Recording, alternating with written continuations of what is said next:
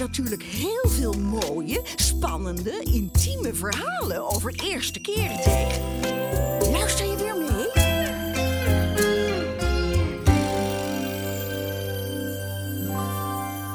Ik ben Floortje en ik ben 16 jaar.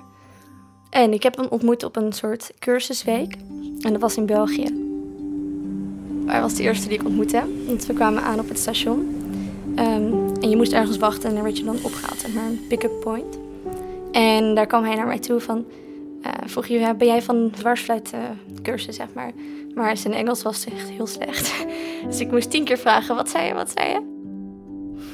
En uiteindelijk verstond ik hem. En toen hebben we gepraat en gewacht, samen in die auto gezeten daarheen.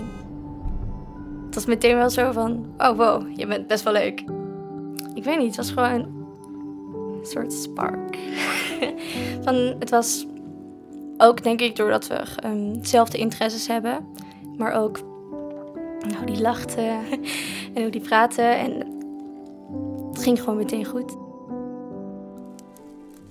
was nog een meisje en was, was ik ook meteen een goede vriendinnen mee. En toen waren we met z'n drietjes waren we nog door het bos gaan wandelen s'nachts. En daarna probeerden we het gebouw weer binnen te komen, maar die was op slot. Maar toen zijn we via de achterdeur toch binnengekomen.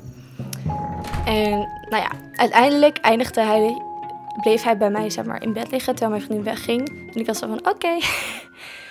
en toen was het eigenlijk van, ik weet niet, een soort flirtachtig iets. En toen ja, heb ik hem uiteindelijk ervoor gezoend. Want daar had ik toch wel zin in.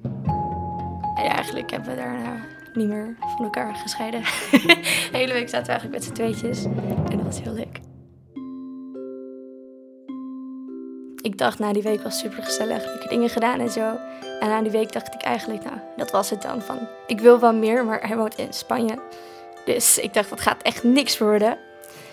Maar tot iedereen's verbazing praten we nog steeds elke dag. Hebben heel veel contact. En hij is hier ook al twee keer ingekomen. En ik ga binnenkort ook naar hem toe. Dus het is toch serieuzer dan we hadden gedacht.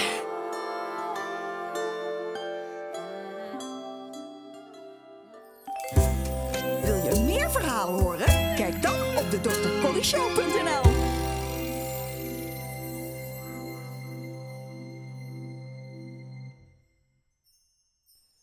Dit verhaal werd mede mogelijk gemaakt door het Mediafonds.